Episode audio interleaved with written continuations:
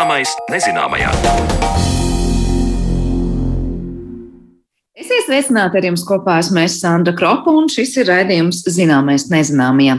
Šodien mēs tajā pievērsīsimies Ukrainas notikumiem. Bēgļu gaitās devušies jau ļoti daudz Ukrainas iedzīvotāju, to vidū arī studenti, zinātnieki un akadēmiskais personāls, jo pašreizējos apstākļos normālu zinātnisko darbību nav iespējams veikt.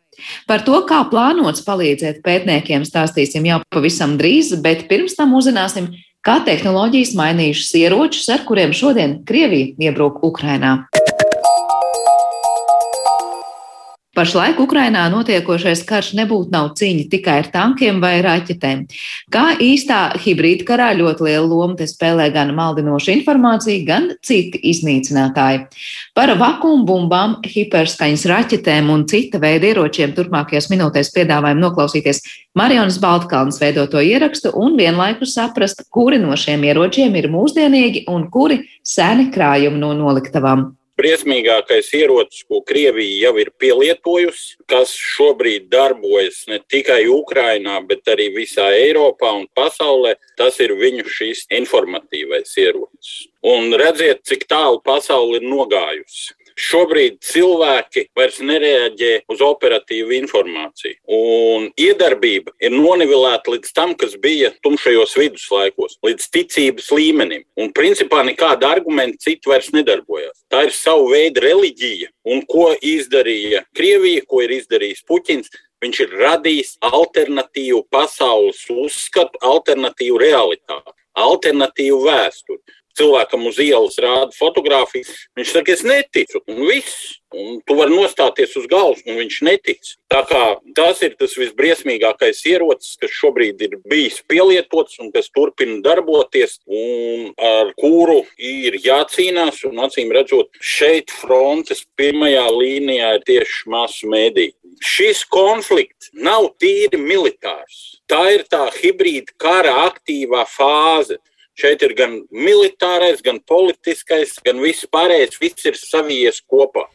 Šādi stāstu par Ukrainas karā izmantotajiem ieročiem iesāk inženierzinātņu doktors Rīgas Tehniskās Universitātes aizsardzības un militāro tehnoloģiju pētniecības centra vadītājs Juris Ķiploks. Runājot par militārajiem ieročiem, mēs nevaram ignorēt informatīvo karu, kuru Krievija, izmantojot jaunākās tehnoloģijas, izvērš jau gadiem. Kā sarunas laikā norāda Juris Čiploks, tad mūsu cilvēki prasa pierādījumus. Krievijas iedzīvotāji dzīvo ticībā, viņi neprasa pierādījumus bet tālāk par citiem ieročiem, kas šobrīd praktiski tiek izmantoti Ukrainā, un pētnieks stāsta, ka nekā jauna tur nesot. Šīs metodes un arī paši krājumi Krievijai vēl ir no Padomju Savienības laikiem. Mums tad ir jāparunā, kas tad ir masu iznīcināšanas ieroči. Tātad tie ir kodolieroči, tie ir ķīmiskie ieroči, tie ir bioloģiskie ieroči ir nākušas klāt nu, pēc dažādām klasifikācijām vēl dažas grupas. Un tie ir tā sauktie radioloģiskie ieroči. Šie ieroči neizmanto kodola sprādzienu efektu, bet izmanto radioaktīvo piesārņojumu. Tā sauktās netīrās bumbas. Tātad šajā gadījumā bumbas sprākstot rada lielu teritorijas radioaktīvo piesārņojumu. Kodola sprādzienu nav, bet efekts ir ilgstošs un paliek. Ir nākuši klāt vēl tādi ieroči, ko sauc par augstas efektivitātes un neselektīvas iedarbības ieroči. Un šeit ir vākuma bumbas, šeit ir kasešu bumbas, šeit ir degbumbas un vēl daži līdzekļi. Vākuma bumbas tātad kaut kādā apgabalā tiek izdedzināts skābeklis, tiek izdedzināts gaiss, un tātad šajā vietā radās vākums. Pēc būtības notiek tas pats, kas ar dziļūdens zivīm, kas tiek izceltas no jūras ārā. Ja? Tā tad iekšējais spiediens ir tik liels, ka principā tas dzīvnieciņš uzpūšās un varbūt pat uzsprāgst. Tieši tas pats notiek ar, ar cilvēku, kas nonāk šīs bumbas iedarbībā. Teiksim tā, vakums, negatīvs spiediens, kas visu plēš uz ārpusi. Ja, Tātad cilvēkam nu, plaušu bojājumu, viss pārējais, nu, kā lai to saka, visu iekšpusi izrauj uz ārā. Ja? Tātad mums organismā iekšā ir kaut kāds noteikts spiediens, kas pretojās atmosfēras spiedienam. Nu, principā tāds kā ir gaisa spiediens ārā, tāds spiediens ir arī mums iekšā. Un tagad vienā brīdī šo spiedienu noņem nost. Ja? Tātad, kas notiek? Plaušas palielinās un principā pārsprāgst, ja, jo mēs darbojamies uz spiedienu starpību. Tāpat tās nu, visas durvis, kas ir bijušas stingri aizbūvētas, tiek izrautas uz āru, jo gaisa spiediens telpā vēl saglabājās, bet ārpusē viņš ir nokrities tas ir ļoti necilvēcīgs ierocis. Kas ir tas, kāpēc šo ieroču sistēmu neļauj lietot? Tas ir tas, ka viņai ir ļoti plaša iedarbība, kas pēc būtības ir salīdzināma ar kodolieročiem, un otrs, viņa ir neselektīva. Viņa iedarbojas ne tikai uz militāriem objektiem vai, teiksim, tā karaspēka daļām vai karavīriem, viņa iedarbojas uz milzīgu teritoriju un uz visu, kas tur atrodas, sekojoši arī civiliedzīvotāji. Vakuumbumbu efektu iespējams radīt arī citos veidos.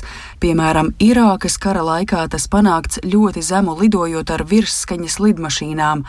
Aiz lidmašīnas veidojas gaisa vilnis, kuras spiediens ir samazināts, un tādā veidā karavīri un tehnika var iet bojā bet līdzīgi kā vakumbumbas, postošu, neselektīvu iedarbību lielā teritorijā var izraisīt arī kasežbumbas, un par tām stāstu turpina Juris Čiploks. Kas tad ir kasežbumbas pamatā? Ja mēs izšaujam parastu raķeti vai nometam parastu bumbu, tad ir viens liels sprādziens. Noteiktā vietā mēs viņu varam lokalizēt un saprast, kas tur notiek. Kas notiek ar kasešu bumbu? Virs kaut kādas teritorijas tiek izkliedēts liels daudzums mazu bumbiņu, kas principā vienlaikus sprāgst un tātad nodara zaudējumus milzīgā teritorijā. Un viņu darbība tāpat ir neselektīva. Ja, tātad pilsētas ar šādu munīciju apšaudīt, tas ir jau kara noziegums. Degbumbas, jeb tā sauktās fosforu bumbas, arī šie augstas, neselektīvas iedarbības parastais ierocis, Nu, parasti mēs runājam par balto fosforu. Baltais fosfors aizdegās pats saskarē ar skābekli. Tātad tur praktiski nevajag nekādu ierobežojumu. Un tātad, līdzīgi kā vākuumbumbām, šis lādiņš eksplodē virs apdzīvotas vietas. Ja, ja vākuumbumbā tiek izsmidzināta nu, šī aizdedzinošā viela, kas momentāli izdedzina gaisu, ja, tad fosforu bumbai tas, ko viņi izmet ārā, ir šie fosforu gabaliņi. Viņi aizdegās, krīt uz leju, noklāja milzīgas platības, un darbība tāpat ir neselektīva. Principā šādu munīciju lietot apdzīvotā vietā, pat ja tur ir militāri objekti, nedrīkst. Tas arī ir kara noziegums. Kāda ir šiem fosforu ieročiem iedarbība? Tātad pavisam reāli mēs saprotam, ka tie ir apdegumi. Ja? Degošs fosfors principā nodzēst ne ar ko nevar, ar ūdeni nodzēst nevar. Tātad, ja cilvēks dabūna šādu fosforu gabalu virsū, viņš vienkārši sadeg. Ja nu viņš nesadeg, ja nu tas gabaliņš ir mazs un tie ir tikai apdegumi, tad nākošais, kas ir tāda pati iedarbība kā vakumbumbām, bet ne tik izteikti, tiek izdedzināts gaiss. Cilvēks noslāpst, nav skābekļa, ko elpot. Ja, ja skābekļa saturs gaisā ir zem 5%, tātad šis gaiss vairs nav lietojams elpošanai. Tātad degot fosfors veido indīgus savienojumus. Gan gāzu veidā, gan pēc tam sadegot, nonākot uz zemes, viņš veidos savienojumus, kas piesārņo augsni. Tātad vietas, kur ir pielietota šī munīcija, pēc būtības ir saindētas. Un, attiecīgi, arī šādu ieroču lietošana uzskatāma par kara noziegumu. Baltais fosfors pats par sevi nav jauna metode, tas ir sens ieroču veids, kas nāk jau no Pirmā pasaules kara. Šobrīd Krievija kara darbībā masveidā izmanto tieši neselektīvos ieročus un ar tiem arī gūst panākumus. Ja kara sākumā tika lietotas spārnotās raķetes, kam nosacīti ir augsta precizitāte, tad šobrīd bez sirdsapziņas pārmetumiem iet vaļā viss, kas bija palicis padomju noliktavās. Tiesa gan, šāda veida munīcijai ir savs glabāšanas termiņš, un visticamāk, ka šis ir pēdējais brīdis, kad to vēl nosacīti droši var lietot. Notiek ķīmiski sairšanas procesi, un šāda munīcija var detonēt pati par sevi. Šajā saistībā būtiski pieminēt karavīru apmācību. Tādas programmas, kurā tiktu mācīti kara likumi, Padomju Savienībā nebija, un acīm redzot, tādas nav arī šobrīd Krievijā, kamēr NATO apmācību sistēmām kara likumi ir viena no pirmajām sastāvdaļām, ko karavīram māca. Līdz ar to Krievijas puse plaši izmanto munīcijas veidu, kas pasaulē ir aizliegta. Bet tālāk par to, kas ir hiperskaņas ieroči, ar kuru lietošanu Krievijai pieredzes nav, līdz ar to nevar pārliecinoši apgalvot, ka to izmēģināšana šoreiz būtu veiksmīga. Kas ir hiperskaņa? Mēs zinām, ka ir skaņas ātrums, kas nosacīti tur ir plus mīnus 330 m2. Tālāk ir virsskaņas ātrums. Nu, tur līdz piecām reizēm pārsniedzot skaņas ātrumu. Ja, 1500 m2. Nu, tā tad lidmašīnas lido. Te viss ir it kā skaidrs. Eh, mēs saprotam, ka jā, mēs varam pārtrināties. Tālāk līdz 20 skaņas ātrumiem tā jau ir hiperskaņa. Un šādu ieroču radīšanā un lietošanā jau parādās zināmas problēmas. Jo viņi lido atmosfērā. Un pie šāda ātruma nu, nosacīti tā raķete vai galviņa ļoti uzkarsta. Viņa principā sāk degt. Otrs, viņai priekšā ir kā veidojās īpašs plazmas mākonis, caur kuru ejot, nu, tā bērns samazinās. Bet uh, plazma jau nav nekas cits, kā tieši sakarsēta gāze, degoša kaut kāda viela. Viss ir ļoti jauki, bet tā tad rodās problēmas ar sakariem, jo cauri plazmai neiet elektromagnetiskie viļņi. Tātad sazināties, uztvert informāciju no satelītiem vai vēl kaut kur ļoti grūti. Tātad ir nepieciešama sarežģīta sakaru sistēma, lai šo raķetes vadību varētu nodrošināt. Tad jautājums, vai Krievijai pašai ir tāda sarežģīta sakaru sistēma, lai lietotu hiperskaņas ieročus? Tieši tā, jautājums ir, vai viņiem šāda sistēma ir.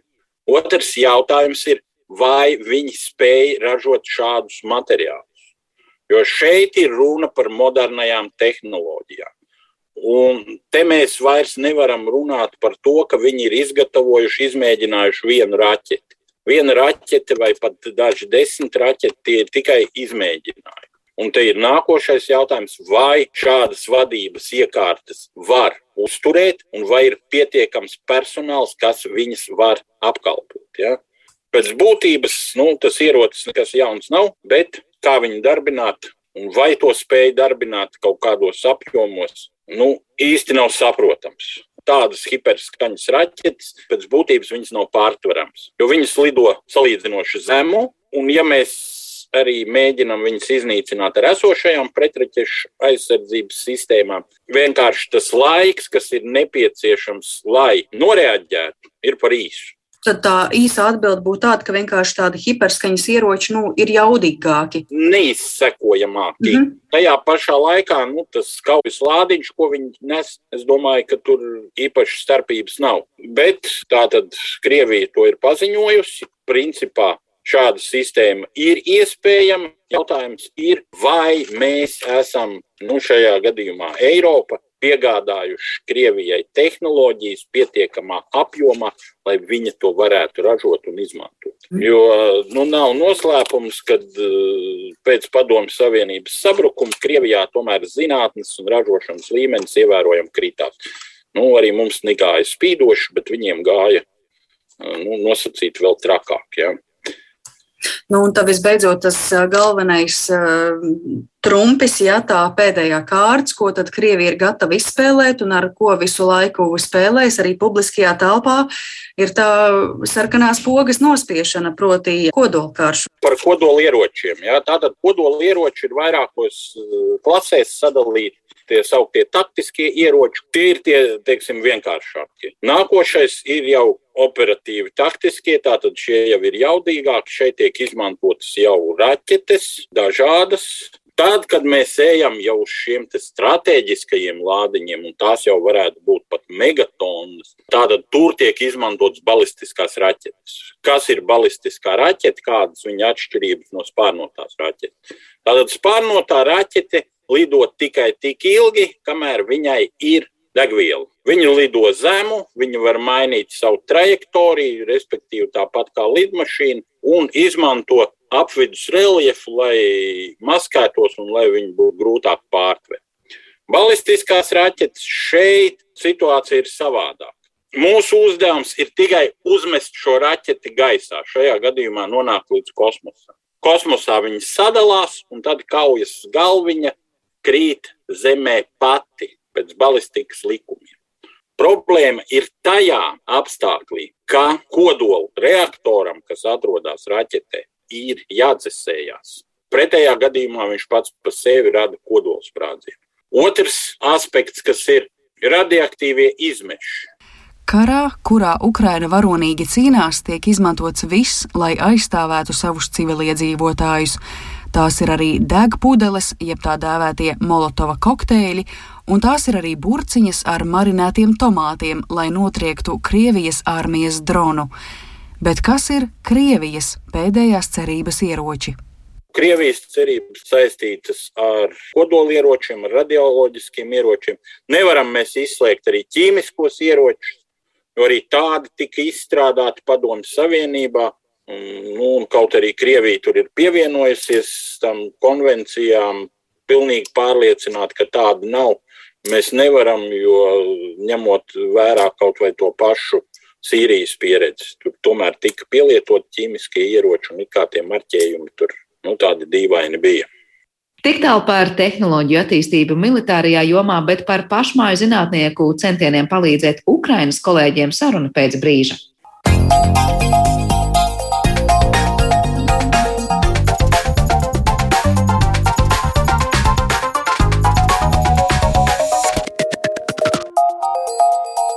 Zināmais nezināmajā.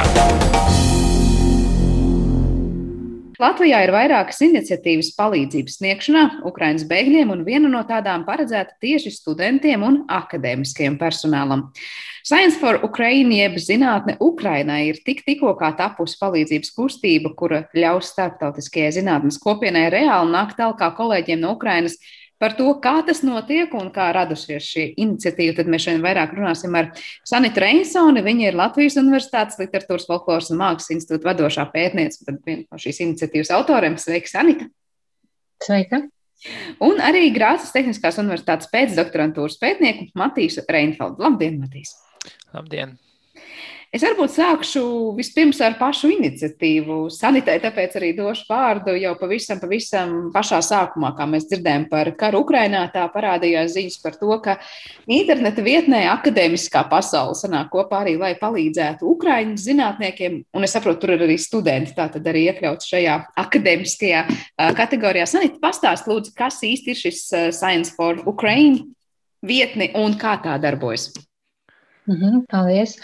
Um, nu, jā, šī iniciatīva izauga gluži nejauši, un uh, liekas, tā nāca tā kā īstajā laikā un satikās ar pētnieku un vispār akadēmiskās pasaules vēlmi, ļoti lielu vēlmi palīdzēt Ukrainai un arī ar, protams, līdzjūtību, kas notiek.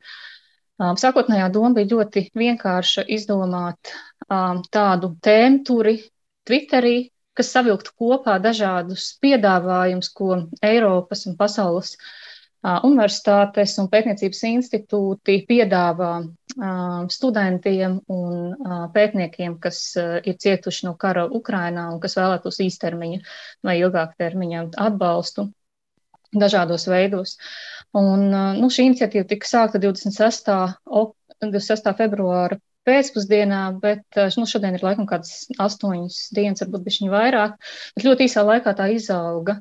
Um, un uh, jau kādas trīs dienas pēc uzsākšanas uh, nu, koma komandai, kas bija divu cilvēku sastāvā, sāka pievienoties ar vien vairāk uh, cilvēku no dažādām Eiropas valstīm. Uh, līdz beidzot jau šobrīd mēs esam tāda nu, uh, nu, struktūrēta organizācija, nu, ne dibināta organizācija, bet brīvprātīga organizācija, kur ir um, koordinatori no 30 valstīm šobrīd, kas nodarbojās tā kā nacionālajā līmenī, vācot informāciju un, un palīdzot uh, universitātēm un pētnieku grupām saprast, ko un kā piedāvāt un tā. Mm, un kopumā komandā ir ap 60 cilvēku, kur ir gan dizaineri, gan uh, izstrādātāji tīmekļa, gan pētnieki, gan studenti, un, un piebiedrojās vēl un vēl. Tā kā jā, tas ir aizgājis tādā plašumā. Bet, jā. Droši, jā. Bet pavisam īsti, kā tas darbojas. Viss darbs notiek tīmekļa vietnē Science par Ukrainu.cu, kur ir karte, un uz kartes var ceļot un meklēt piedāvājumus dažāda veida, var arī tos atfiltrēt, vai tie ir domāti studentiem vai pētniekiem un kādām nozarēm. Un uh, var arī meklēt tālāk palīdzību, jo ir dažādas saites tieši studentiem, uh, vēl papildus palīdzība, uh, arī saites organizācijām, kā var iesaistīties, kā var palīdzēt, un, un tas notiek uh, dažādos veidos. Eh, bet kā tas ir praktiski izskatās? Es domāju, no tās palīdzības viedokļa, vai zinātnieks, kurš šobrīd ir bēgļu gaitās, atrod sev piemērotu zinātnisko institūciju, kurā darboties, piemēram, nu, nezinu, Latvijā vai Austrijā vai kur citur, vai te vairāk ir stāsts arī nu, ne tikai kur darboties, bet vienkārši meklēt kaut kādus tur domu biedrus vai, vai citus kontaktus. Kā, kā tas notiek praksē? Tīri, ko tam Ukraiņu zinātniekam šī platforma konkrēti sniedz šobrīd? Piedāvājums patiesībā ļoti praktisks. Tas arī bija viens no galvenajiem mērķiem, lai nav tikai tāds ļoti vispārīgs, ka jūs varat braukt pie mums kaut kur mūsu valstī un kaut ko meklēt, bet tieši e, konkrēti piedāvājumi, ka, piemēram, Latvijas Universitātes e, tāds un tāds institūts piedāvā vietu vienam studentam turpināt savu pētniecisko darbu. Un tie piedāvājumi no visas pasaules, e, man liekas, gandrīz 40 valstis šobrīd no visiem, no lielākās daļas kontinentiem. Un, un š, ir tādi e, piedāvājumi arī e, doktorantūras studentiem, gan kur e, raksta, brauciet pie mums un veiciet savu disertāciju, gan brauciet pie mums un turpiniet savu disertāciju. Tā, tas, man liekas, ļoti lielisks piedāvājums, ka, kā, ja jūs esat mūsu lauciņā, jūs varēsiet turpināt savu jau iesākto darbu. Es tieši gribēju jautāt par šiem lauciņiem, vai daudziem no, tas arī ir jautājums par to, kāda ir atsaucība no Ukraiņu zinātnieku puses šobrīd. Uh, ir pietiekoši tās tēmas, kur pārklājās, un cilvēks tā vienkārši var nākt un turpināt, jo es pieņemu, nu, tas nav tā, ka es strādāju pie vienas tēmas, atbraucu uz citu valstu, tur ar to neviens varbūt tā nesaistīgi nedarbojas, un es tagad sākšu kaut ko pētīt. Jo gluži vai ielikt laikam tā no malas īsti nevar. Vai ir citās valstīs pietiekoši tās tēmas pārklājušās ar to, kurās pētnieki darbojas? Matīs, varbūt. Manuprāt, ir piedāvājums ļoti plašs. Šobrīd mēs esam kaut kur starp 4 un 5 simtiem, manuprāt, nedēļas laikā savākuši. Un, un piedāvājumi ir e, visās zinātņu nozarēs. Šodien es redzēju, man liekas, viens no visinteresantākajiem aviācijā, piemēram, arī var kaut ko atrast. Ļoti, ļoti specifiski un e, kosmosa izpētē. Ir ļoti daudz piedāvājumu dabas zinātnēs, kas jau laikam saprotams, jo dabas zinātnes parasti ir nedaudz labāk ar finansētas, līdz ar to viņi var piedāvāt savu tiešām pozīcijas doktorantiem, bet arī sociālās zinātnes, humanitārās zinātnes piedāvā diezgan plašu klāstu ar dažādām pozīcijām. Viens piemērs no Turcijas bija, ka piedāvā vietu Ukraiņas valodas skolotājiem institūtā, universitātes. Tas ir nu, ļoti plaši praktiski. Kurš kurs ir eh, lingvistiski eh, ukrāņu valodu mācījies, var droši vien pieteikties. Kā ir ar to, ko Latvija piedāvā, vai tur mums arī iezīmēs kādas konkrētas jomas un zinātnes? Es nezinu, Sanita varbūt grib eh, paturpināt, vai Matīs? Matīs paturpināt, jā, um, Latvijā um, es varbūt nedaudz eh, paiešu vienu solīti atpakaļ no tā konkrētā jautājuma. Pieminēšu, ka Sanita uzrunāja eh, nedēļas sākumā Latvijas jauno zinātnieku apvienību, eh, un, kuru arī pārstāvēs, un lūdzu mūsu palīdzību, vai mēs varētu pieteikties Latvijas koordinēšanai.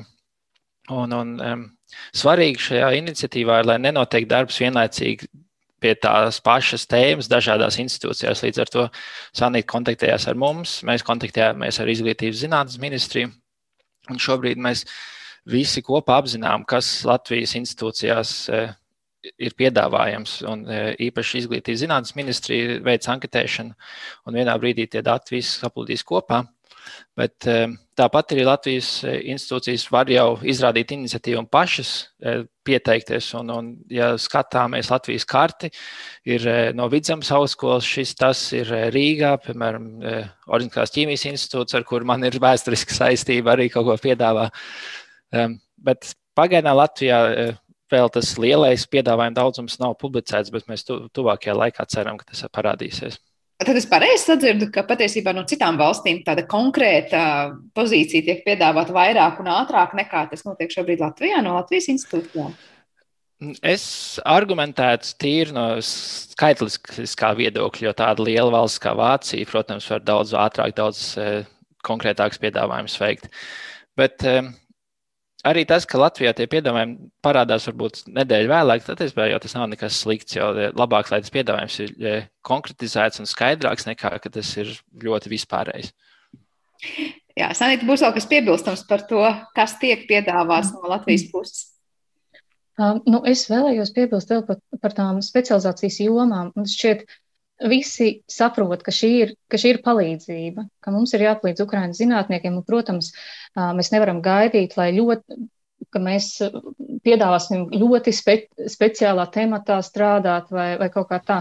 Un tāpēc tie piedāvājumi diezgan plaši. Piemēram, arī mans institūts izdomāja, teiksim tā, ka mēs varam uzņemt uh, cilvēku, kurš strādā vai nu digitālajās humanitārajās zinātnēs, vai digitālajā arhivēšanā, vai etnomuzikoloģijā, respektīvi, ka nu, tā joma ir diezgan plaša un vēlam tiešām iz, nākt pretī, lai um, Ukrainas pētnieks atbraucot var darboties ar uh, savām lietām.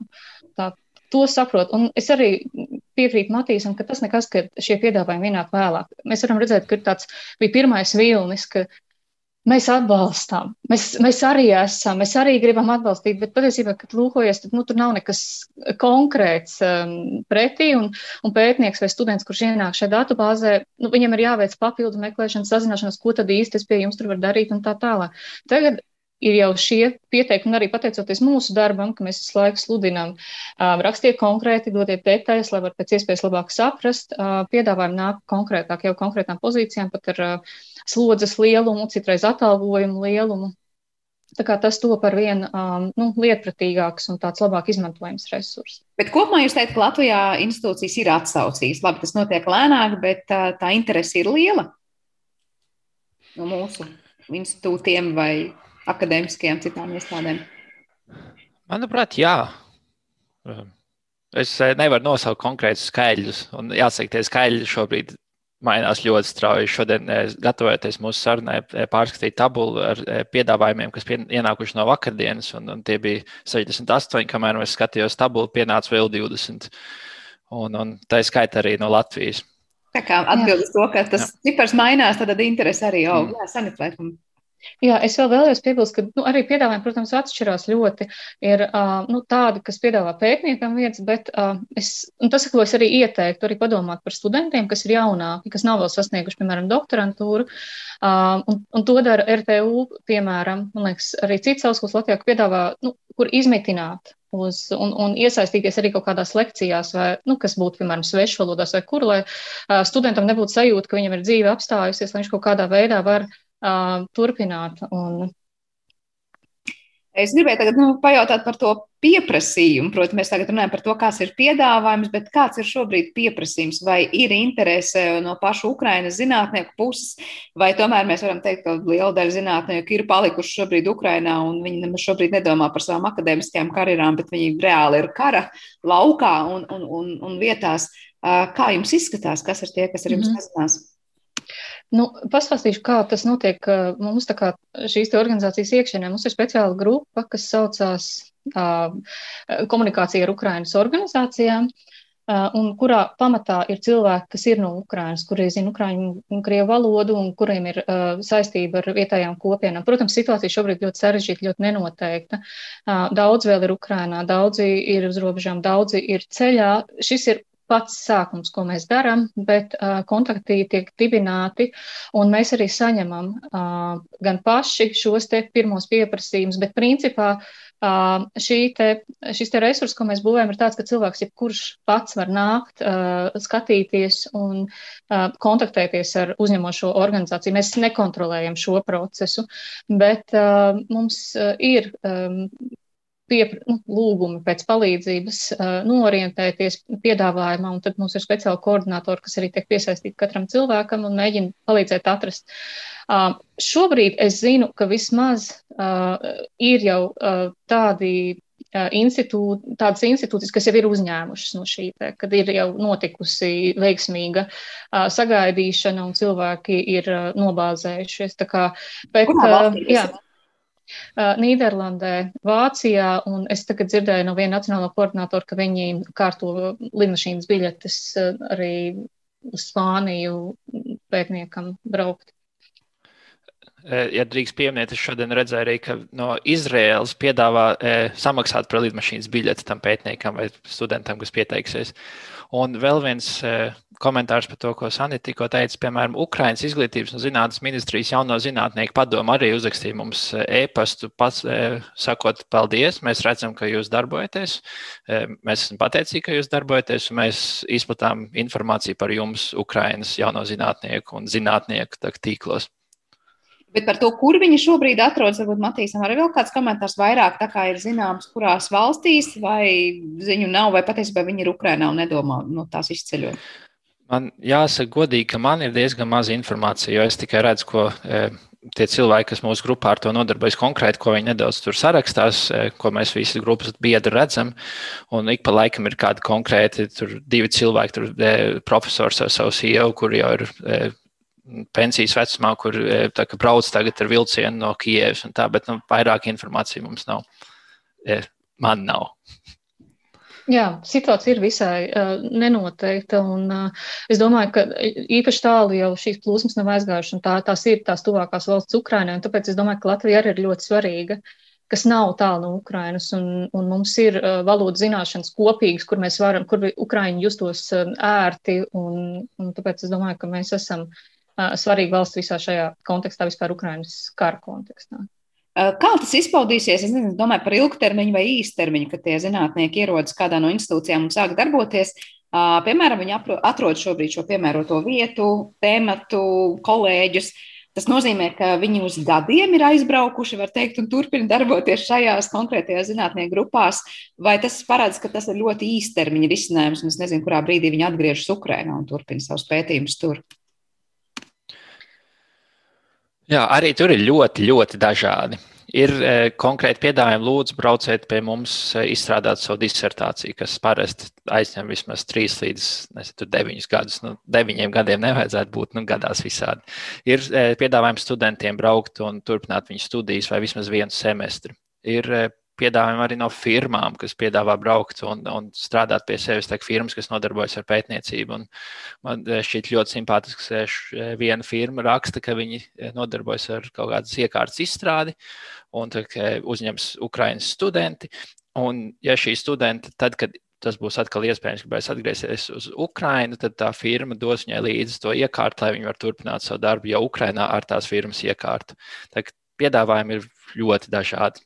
Kā tiek domāts par to, ja cilvēks atgriezīsies, lai nav tā, ka pēkšņi iekārta ir palikusi citā valstī un reāli pētījuma dati varbūt aiziet zudumā, ja mm. viņš gadījumā neturpina to darbu konkrētajā Jā. teritorijā. Sanita, gribēja ko piebilst? Jā, es uh, piebildīšu, ka mēs arī nu, cenšamies nu, komunicēt un, un, un, un teikt, ka šis primāri ir īstermiņa atbalsts, ka mūsu mērķis nav prātu aizplūšanu no Ukrainas, bet ka dot patvērumu uz tik ilgu laiku, cik ir nepieciešams. Bet, jā, kā jau Matīs teica, piedāvājumi ir dažādi, ir uz ilgāku termiņu, uz īsāku, bet tagad arvien vairāk ir tā, ka saka trīs mēneši, seši mēneši, ja vajag ilgāk. Tas, tas ir ļoti labi, un, un tas ir tas galvenais mērķis. Bet es gribēju papildināt to, ko Matīs arī teica. Jā, tas tiek domāts iedot iekārtu kaut vai līdzi, bet tie ir daži atsevišķi gadījumi. Kā reālajā dzīvē jūs saredzat, nebūs tā, ka tiešām tie cilvēki sāks darboties kaut kur Un gribot, negribot, notiks tā prāta aizplūšana. Proti, ka nu, cilvēki pabeigs tās tēmas, iesāktās, vai es nezinu, atradīs kādu e, vietu, kurā strādāt, un tad domās, nu, kāpēc man doties prom. Proti, kad izmainīsies tas, kāpēc tam Ukraiņu zinātnieki varēs darboties savā pašu zemē. Uh, Jā, man, man ir tāda sajūta, ka šobrīd Ukrāņu tauta ļoti demonstrē savu mīlestību pret valsti. Un un tā kā ejot karā, līdz ar to ir grūti iedomāties, ka liels daudzums viņu zinātnieki domās, nu, tagad mēs esam tikuši ārā un vairs nekad nevēlamies atgriezties. Ne, es varu arī nevēlēšanās karēšanu, varbūt ar to, ka cilvēki ir iesākuši darbus, kurus varbūt nevarēs gluži turpināt mm. Uh, citā institūcijā. Jo, proti, varbūt cilvēks, kurš pastrādās tagad Vācijas kādā pētnieciskajā centrā, pēc tam tik viegli nevarēs aizbraukt atpakaļ uz Ukrainu un teikt, es darīšu precīzi to pašu un novadīšu visus tos uh, rezultātus līdz galam. Sanita, gribēju teikt. Nu, varbūt varam palūkoties otrādi. Varbūt šeit viņi iegūs kaut kādas papildu kompetences un atgriezīsies eh, labāk eh, ar, ar labākām prasmēm. Bet, eh, nu, kāda ir alternatīva, teiksim tā, nu, mums nedarīt šo un, un, un, un, un cerēt, piedāvāt vietu veikalā vai kādā citā darba vietā? Nu, es domāju, ka šis ir labākais veids, kā viņus atbalstīt, dodot iespēju strādāt profesijā. Matīs, Patiesībā jau Jā, patiesībā jau zinātnē ir tik eh, globāls eh, tāds veidojums, kur eh, vienmēr ir labi, ja tev ir draugi kaut kur ārzemēs, sadarbības partneri, ja tas, tas ir tavs lauciņš. Tu vari aizbraukt pie viņiem, pastrādāt nedaudz tieši, ko viņi dara, atgriezties atpakaļ. Un tas attiecas uz jebkuru valsti, tas neatiecas tikai uz Ukrajinu. Atgriezties atpakaļ un iegūtās zināšanas pielietot tieši savā konkrētajā tēmā. Man par to tiešām nebūtu bail, ka aizplūst prāti.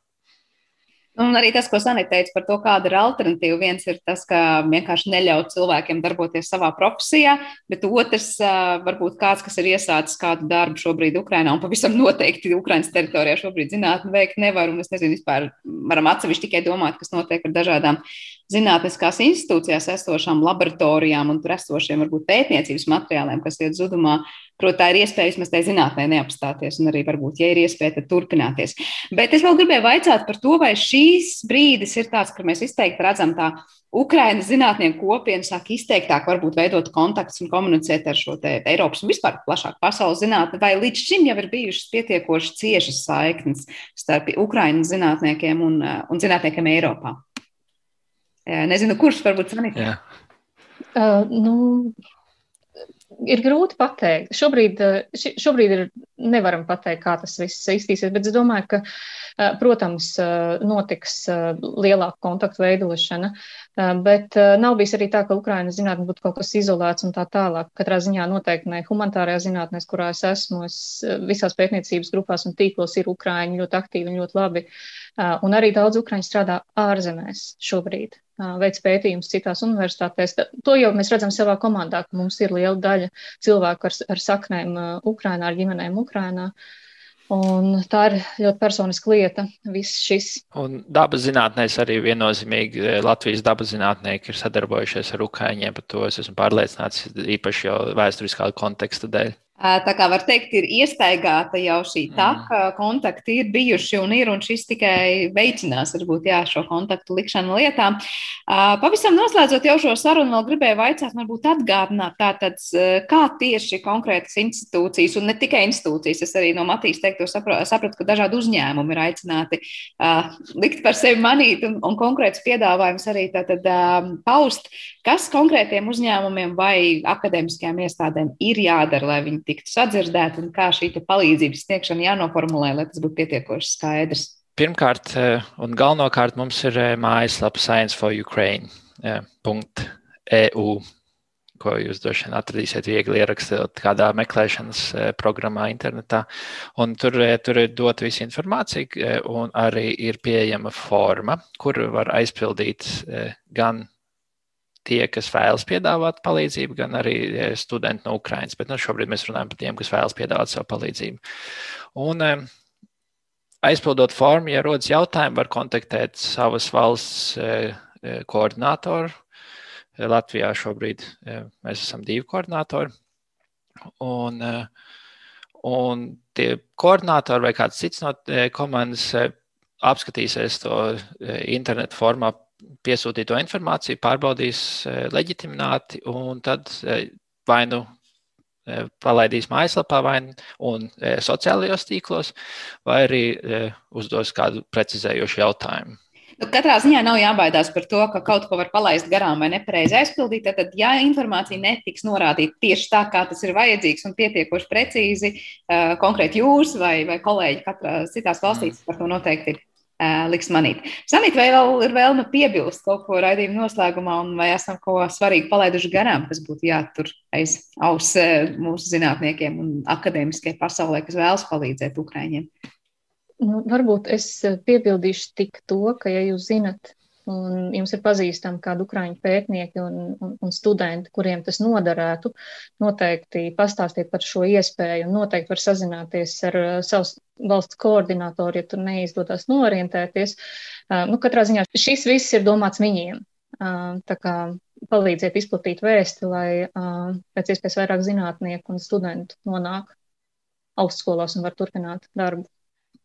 Jā, paldies, paldies ne tikai par šo sarunu, paldies par šo iniciatīvu, paldies par to, ka katrs no savas, var teikt, profesionālās jomas nāk talkā un mēģina parādīt, ko vēl var palīdzēt citiem kolēģiem citās valstīs un arī studentiem kopumā. Atgādināšu mūsu klausītājiem, ka šajā redzījuma pusstundā mēs bijām kopā ar Latvijas Universitātes literatūras, folkloras un mākslas institūtu vadošo pētnieci Sanitu Reinsonu, kā arī Grācis Tehniskās universitātes pēcdoktorantūras pētnieku Matīsu Reinfeldu. Tad abi cilvēki šeit mums ļoti pārstāv šo Science for Ukraine iniciatīvu, kurā tad ir aicināti piedalīties arī Latvijas dažādi uzņēmumi un akadēmiskās iestādes. Paldies visiem par klausīšanos un atgādināšu, ka šo raidījumu producēja Paula Gulbinska par mūziku parūpējās Girds Bišs, bet pirms kopā bija Sandra Kropa. Lai jums visiem jauka diena un uz tikšanos!